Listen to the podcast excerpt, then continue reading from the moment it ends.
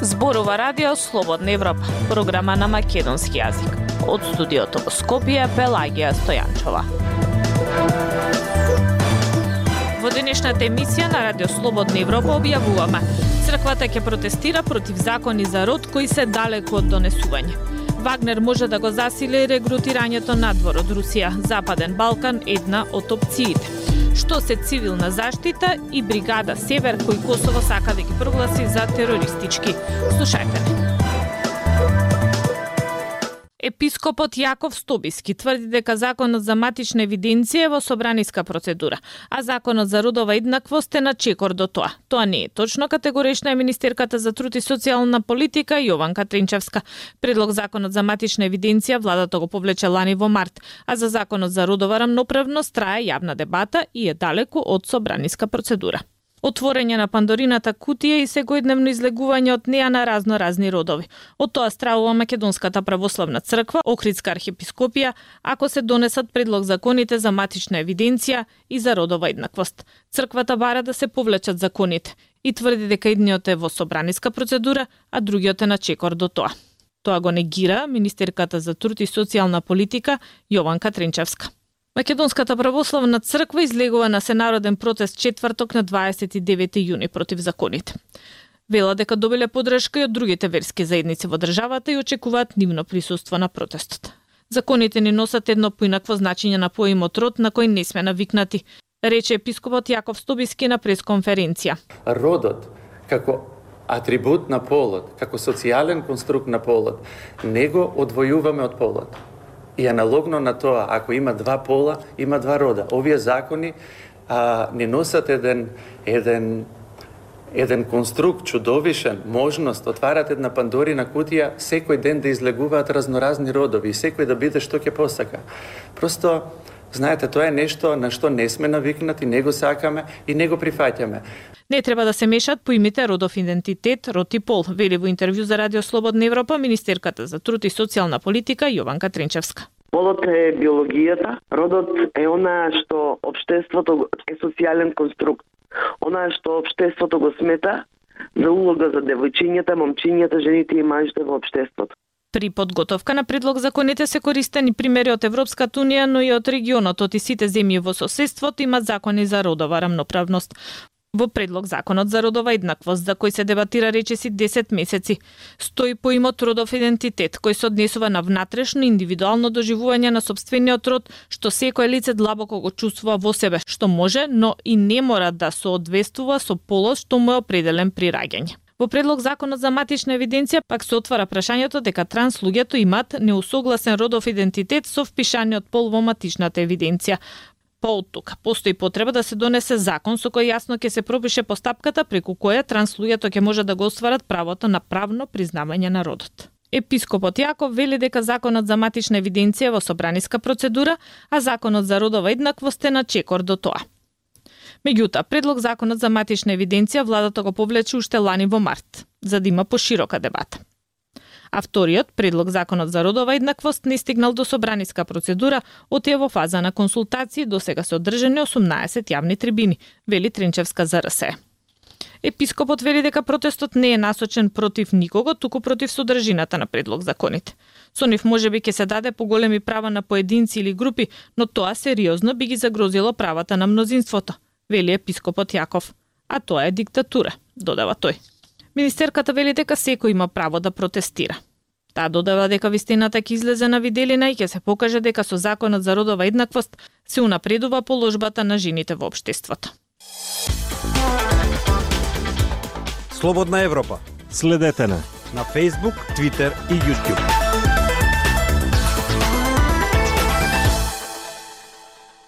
Цивилна заштита и бригада Север според косовските власти стојат зад немирите на северот на Косово и може да бидат прогласени за терористички организации. Оваа можност ја најави министерот за внатрешни работи на Косово, Джелјал Слеча, еден ден откако соопшти дека во автомобил со белградски таблички на околу 100 метри од општина Звечан бил пронајден арсенал оружје, панцири, чанти и маски. Меѓу муницијата се пронајдени и ознаки прикада Север. Според него, овие две организации треба да бидат прогласени за терористички, за да можат косовските власти поефикасно да се борат против нив. Слеча повторно ја обвини Србија дека поддржува криминални групи и дека се обидува да го дестабилизира Косово. Официјален Белград пак ја обвини Приштина дека автомобилот полн со оружје е подметнат, односно дека станува збор за оружје кое било пронајдено и запленето во предходните акции за разоружување на граѓаните на Косово. Извршниот директор на Косовскиот институт за правда, Ехат Мифтарај, наведува дека Косово може да ги прогласи за терористички организации и цивилна заштита и бригада Север, доколку има докази дека тие вршат активности насочени кон нарушување на уставниот поредок и правниот поредок. Ваквите одлуки мора да бидат основани, образложени и докажани. Во секој случај, кога една организација е прогласена за терористичка, тогаш само учеството во тие организации се смета за кривично дело и секој што е дело тие организации мора да се соочи со законот, вели Мифтарај. Според неговото мислење, ваквата одлука треба да се донесе исклучиво во координација со меѓународните партнери на Косово за да ужива легитимитет и доверба од нивна страна. Цивилната заштита функционираше на северот на Косово од 2006 до 2016 година, кога според неофицијални информации беше распуштена врз основа на диалогот меѓу Косово и Србија за нормализација на односите. Работниците на цивилната заштита потоа беа интегрирани во косовските институции.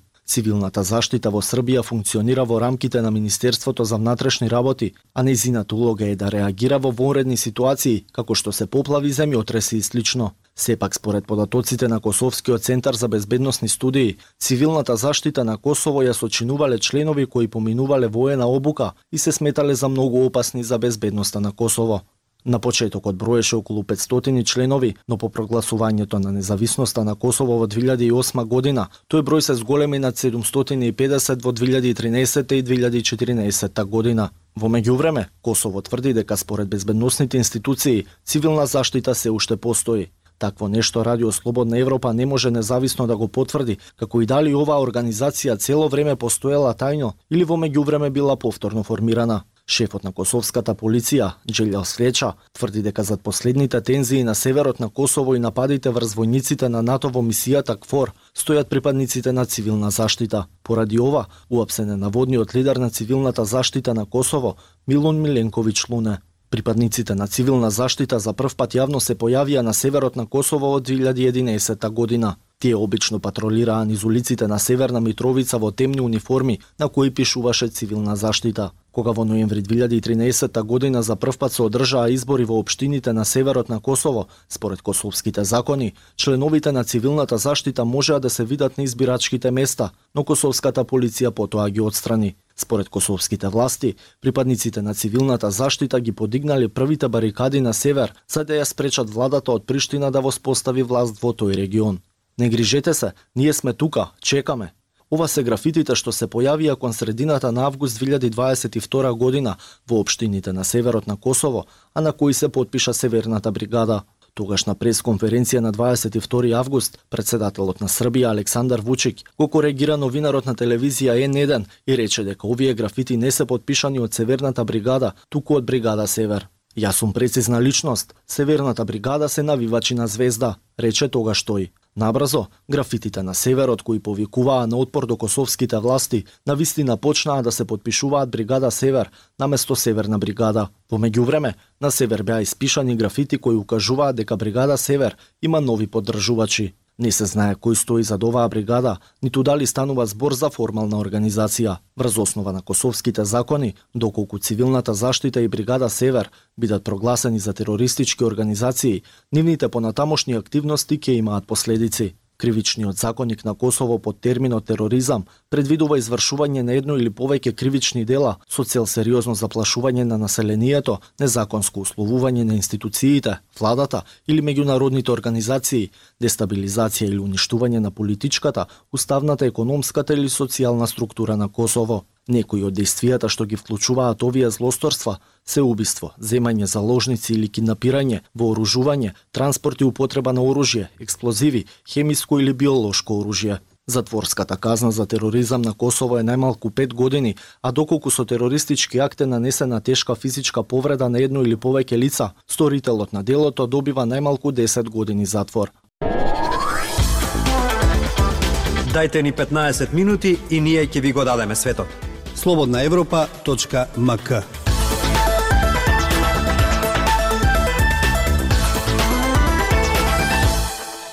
Водачот на паравојната група Вагнер Евгени Пригожин кој го започна па го запре бунтот против руската армија би можел да побара простор за регрутирање надвор од Русија или Белорусија. А Западен Балкан е една од опциите, вели Ана Матвеева од Институтот Русија истражувачка на Кралскиот коледж во Лондон.